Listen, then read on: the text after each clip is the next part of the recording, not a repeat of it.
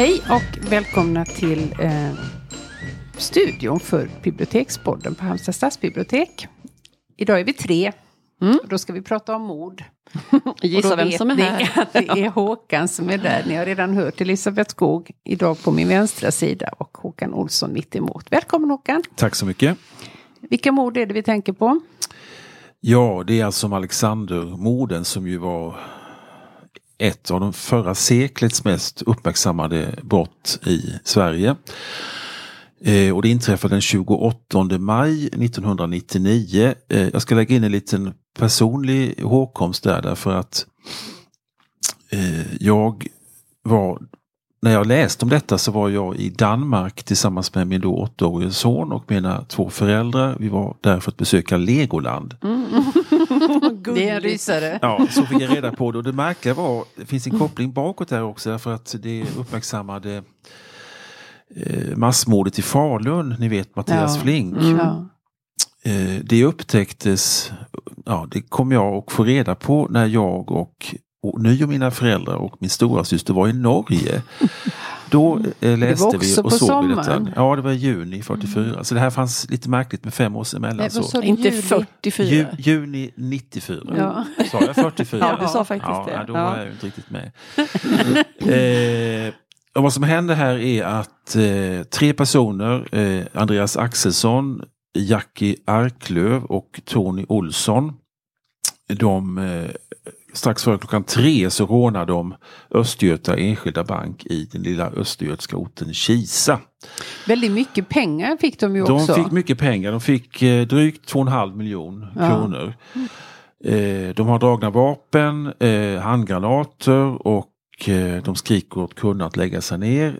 Och det visar sig att, eh, att det är tidlås på så att säga, bankvalvet. Ja, så att de får vänta 12 minuter innan det här låset kommer, går upp. Det är ju iskallt att vänta ja, 12 minuter ja. Och ganska tufft för, för offren där att få ja. ligga och känna oh. dödsångest. Eh, så lång tid, så lång tid måste 12 minuter vara då. Precis. Man, mm. Och då hade alltså ingen, för de har ju knappar strategiskt placerade mm. bankpersonal. ingen de, hade tryckt på jo, dem Jo, de hade tryckt men, men eh, alltså Kisa det är ju en, det är en bit till närmaste. De har ingen egen polisstation nej, kanske? Nej, nej. precis. Mm. Så att det dröjer lite innan oh. de kommer. Men de lämnar 15 och 10 2010 lämnar de banken och kör i en stulen Saab 9000. Och det är Axelsson som kör flyktbilen. Mm. Mm. Som han hade hyrt i.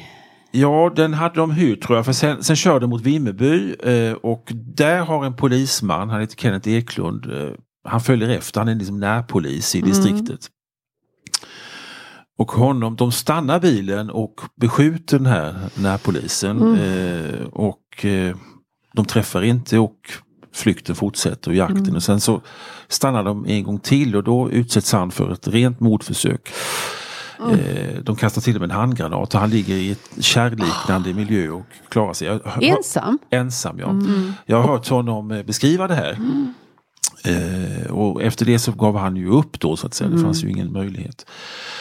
Eh, men sen så eh, byter de bil, en Toyota Avensis eh, och eh, efter en timme ungefär så, så blir det en ny polisjakt och då är det den polisbilen som sen mm. är huvuddel i dramat. Eh, och eh, vid eh, Malexander som är en liten ort i södra Östergötland så, så eh, beskjuts polisbilen och de, de tvingas stanna.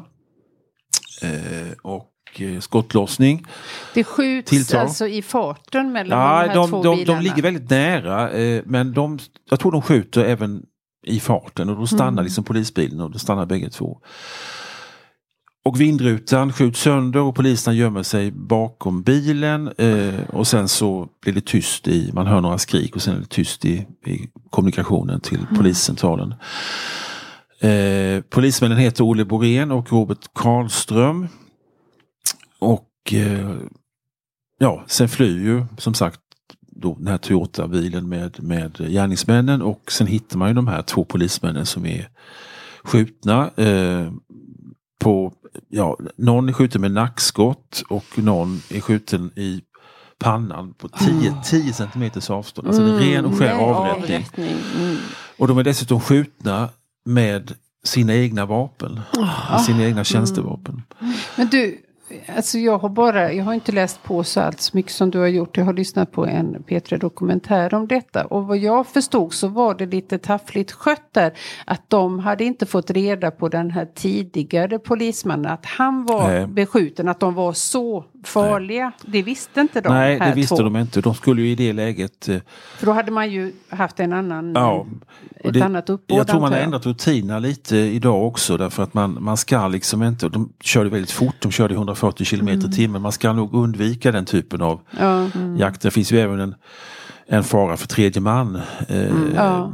När man gör ja. sånt. Så att de skulle naturligtvis i efterhand. Mm. Men, men, Nej. Men jag tycker man tänker också, vad var alla andra poliser? Varför var de Nej. så ensamma detta? För det var ju inte, även om det var glest befolkat möjligen, ja. så var det ju inte, det var ju inte Norrlands inland. Nej det var det inte. Eh, men de, det är klart det skickades folk från, från Linköping och sådär. Mm. Men, men, eh, och de kom väl strax efter det här var klart då, men då, då hade de redan flytt. Mm.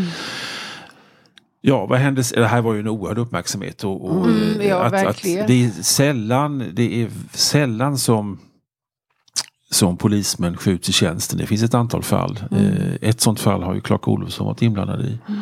1966 i Nyköping. Det var inte han som Med sköt. Dödlig men utgång. dödlig utgång. Ja, precis. Ja. Eh, det är dock ytterst sällan, jag tror bara det hänt en gång, att ett fall är ouppklarat med en, en ihjälskjuten polisman. Mm. I Sverige? I Sverige, ja. Mm. Och det här klaras ju upp så småningom. Mm. Eh, Axelsson eh, blev skottskadad eh, under skjutningen. Eh, så han upp, fick, upplösa, eh, fick ja, uppsöka mm. vård och då var ju han tagen. Det var ju... Alltså, ja. Det så gör de aldrig på amerikanska nej, filmer. De inte, då letar de upp någon sån här skum doktor ja. som Eller en veterinär har man väl också sett. ja. ja. Man åker ju inte till Södersjukhuset. Nej. Vad de nu gjorde. Men är, och är man Arnold Schwarzenegger så syr man ihop såret ja, själv. Ja, det finns mm. må många bättre ja. alternativ. Det vet ju vi. Eh, men Axelsson var inte av det virket. Eh, Arklöv greps i Tyresö tre dagar senare och eh, Olsson lyckades fly till Costa Rica där han dock mm. Eh, greps och återfördes till Sverige. Mm. Eh, och rättsprocessen var intressant därför att de, de blev, ni kommer ihåg det fanns ett, ett uppmärksammat mordfall i Lindome ja, för ett antal år sedan. På varandra. Ja. Där man skyllde på varandra ja. mm. eh, och bägge gick fria. Ja. En äldre man som hade dödats ja. av unga män. Det är få saker som upprör folk mer än något sånt. Ja. Att en liksom juridisk ja. Eh, detalj kan fria. Man vet att någon av dem Någon har gjort det, ja precis. Men här, här, det kanske fanns i bakgrunden här för att de här blev dömda eh, för att ha agerat som det heter tillsammans och i samförstånd. Mm. Mm. Trots att man inte kunde veta vem som Nej. hade skjutit de dödande skotten. Mm. Men alldeles uppenbart var att alla tre hade avlossat vapen som, som mycket väl kunde vara dödande så att mm. domen ansågs ju vara helt, helt riktig. De dömdes för mord då. Eh, de erkände lite små saker och, och sådär men, men de blev dömda mot sitt nekande. Och sen så var det först ett par år senare som Jackie Arklöv erkände att det var han som hade skjutit, dem, mm, skjutit mm. poliserna. Han blev också dömd eh, senare för att han hade tjänstgjort i, eh, i Jugoslavienkriget. Ja. Eh, den, I Bosnien va? I Bosnien, mm. ja precis. Eh, han blev dömd till åtta års fängelse för krigsförbrytelser. Ja, det var inga småsaker Nej, han hade gjort. Det hade verkligen inte. Han var legosoldat på den bosnien-kroatiska sidan mm. då, mot bosniska muslimer. Eh, Olsson rymde eh, 2004 från anstalten Hall men återfördes till... Det kommer man också ja. ihåg att det mm. fick man liksom följa. Och det Precis. finns en, en ikonisk bild när han blev tillfångatagen ja. på någon loge. Han ja. kikar upp mellan två höbalar. Ja. Och liksom, kan inte ni se den bilden framför Ja, jag har sett den, den, den visst. Eh, ja, och, eh, eh och sen är den här eh, ja, Olsson hade ju avvikit från Österåker när han skulle delta i den här mm. famösa ja. 7-3. Men det kan jag... vi får liksom... Det finns så ja. mycket ihop ja. det ja. Men, men detta är kan man säga historien i sin, i sin korthet. Eh, eh, detta otroligt uppmärksammade och, och minst sagt brutala, mm. oerhört brutala dubbelmord mm. på två poliser. Och det var ju väldigt mycket när de begravdes och det finns en minnessten i Malexander där man mm. uppmärksammade mm. de här kommer ihåg den ene, jag vet inte vem av dem, hans fru, änka, vände sig till Ja. de här i rättssalen och sa deras namn. Du Jackie Arklöv, du Ja. Andreas Axelsson, du Tony Ja. Olsson. Att hon verkligen ville få dem att förstå vad det är de... Ja. Alltså, det var väldigt starkt. Och, och faktum är att, att när Arklöv eh, erkände, så att säga, tog på sig skulden för att ha varit den som avlossat de mördande, dödande skotten så, så sa han det därför att han, han liksom stod inte ut med att de anhöriga, om, om det var om det var riktigt menat, det, det är oklart men, men eh, han sa det i alla fall. Men vad, vad sa du, att han stod inte ut med att de men- men anhöriga inte visste? Ja, precis. deras ovisshet. precis deras ovisshet. Ja. Eh, eh, och att det, ja, jag vet Ja. inte. Ja, nej men det finns ju en bakgrund till det här då som och det är ju den här 7-3 Lars Norén-pjäsen. Um, ehm, och det var så här då att eh, 98 så skickade fångarna Tony Olsson, som vi nu har hört en del om, men även en Mats Nilsson och Karl Thunberg, som Håkan säkert kände till. Ehm, de skrev ett brev till Lars Norén. Och han var då chef för någonting som hette Riksdrama. Det finns nog inte längre tror jag, men ja, Riksteatern någonting. ehm, att de ville, spela de ville göra en pjäs. De hade fått, gått och fått teaterdrömmar där på anstalten. Eh, och då fanns där en, liksom ett projekt på den här tiden, Hol- Holmsanstalten, där de hade haft en studiecirkel i dramatik. Och de tog sig för, vem ska vi skriva till? Vem är liksom den coolaste här? Jo men det är ju Lars Norén. Ehm, och han nappade eh, på detta. Eh, och, det var liksom bakgrundshistorien till den här eh, pjäsen som sen hade premiär den 6 februari 99.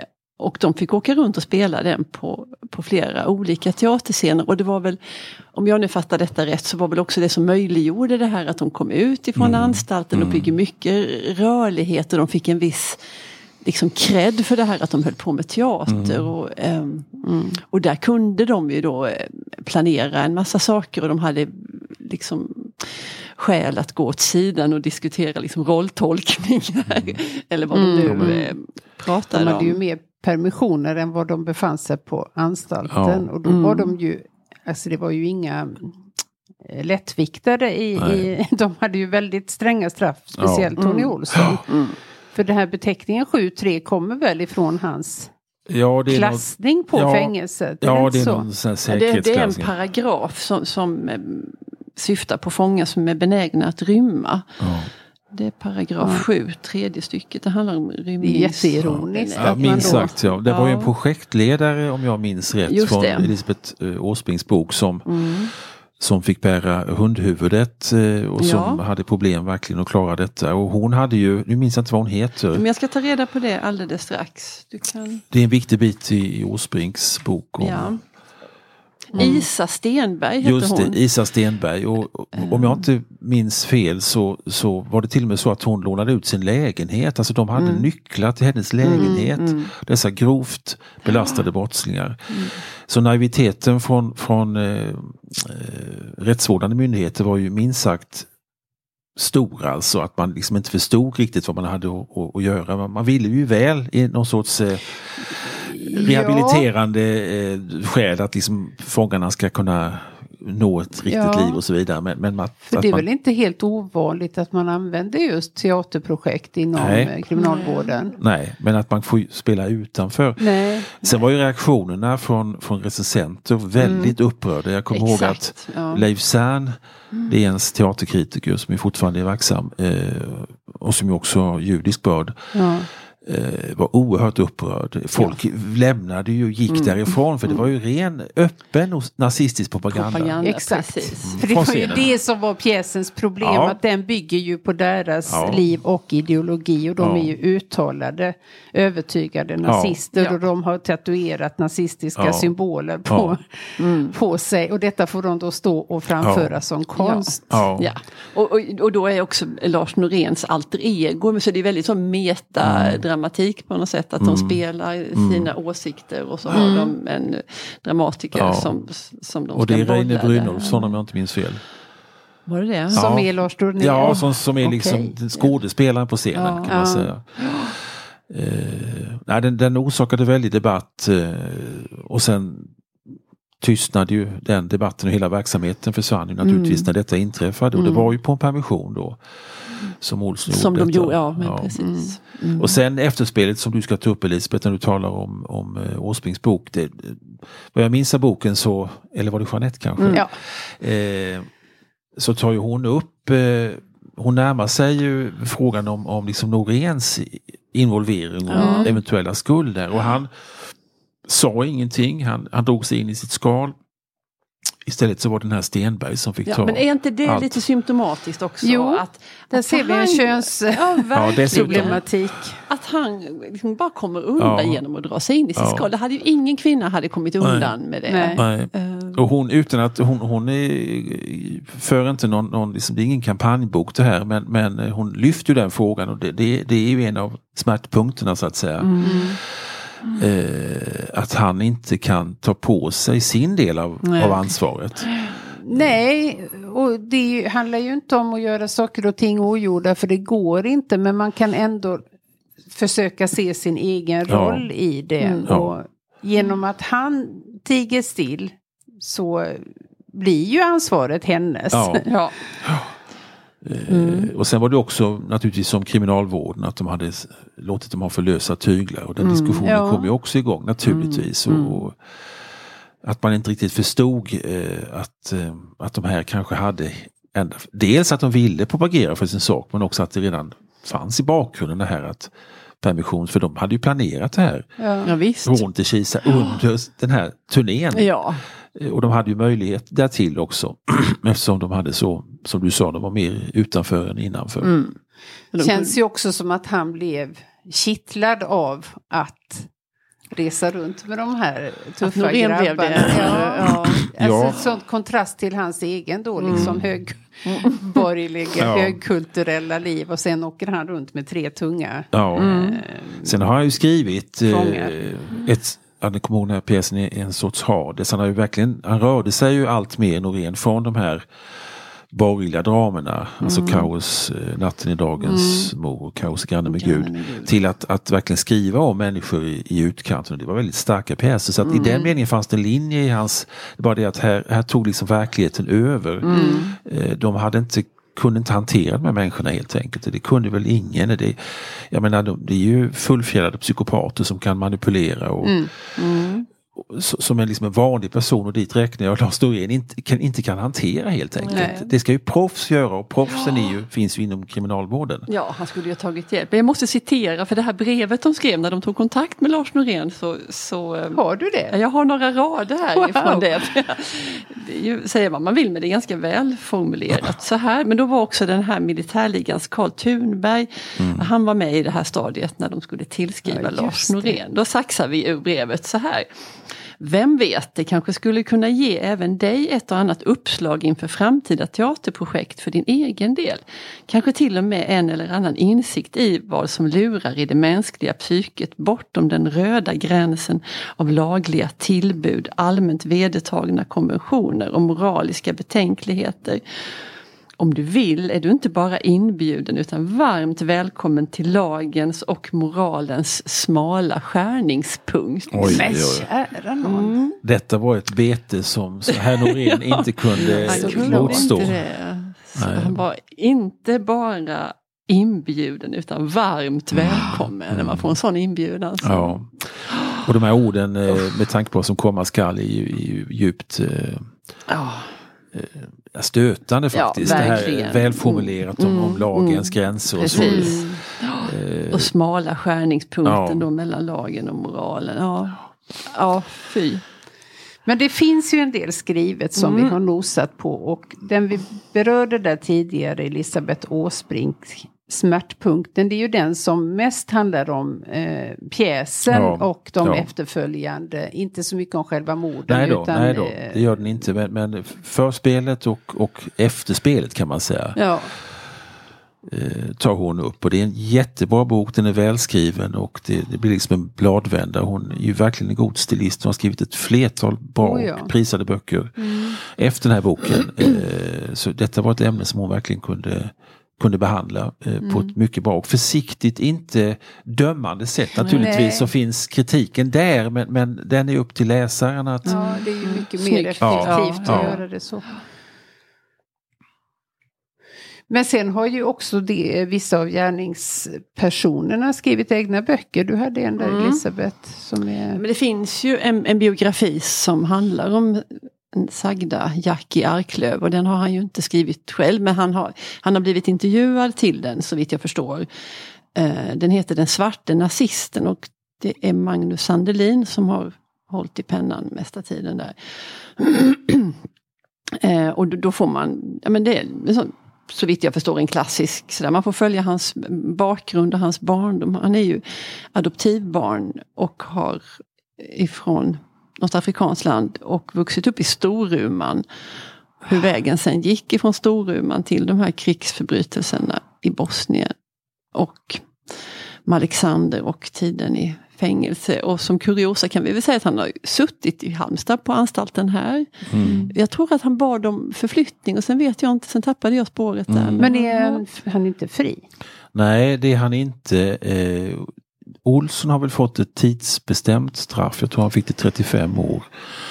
Eh, det kan man ju verkligen diskutera. Eh, eh, alltså de brotten som de har begått tycker jag är livstidsgrundande faktiskt. Mm. Eh, eh, I alla, Arklöv och Olsson, eh, Axelsson är väl den, den kanske minst belastade av om man kan tala i den meningen av de här tre, möjligen, men, men de andra två tycker jag skulle... Men alla tre sitter fortfarande? Ja, så vitt jag vet gör de det. Mm. Ja, Jeanette. Nej en men sen har ju även Tony Olsson då eh, skrivit en bok om sin... Jag, jag är lite tveksam till de där eh, egna berättelserna om man verkligen ska ge dem det utrymmet. Jag har inte kunnat titta i boken för den var utlånad. Den heter i alla fall Chockvågor. Och om han nu är den psykopat som vi får utgå från att han är så är ju hans berättelse skiljer sig nog en hel del åt från de andra. Så jag, jag tycker det är, liksom, en tveksamhet i det att ge någon den rösten. Ja, trots att, att vi har eh, yttrandefriheten som grund och att biblioteken verkligen ska Mm. vara ett starkt en stoppskylt vad gäller censur i alla dess former så Ja. tycker jag också det tar emot lite. Mm.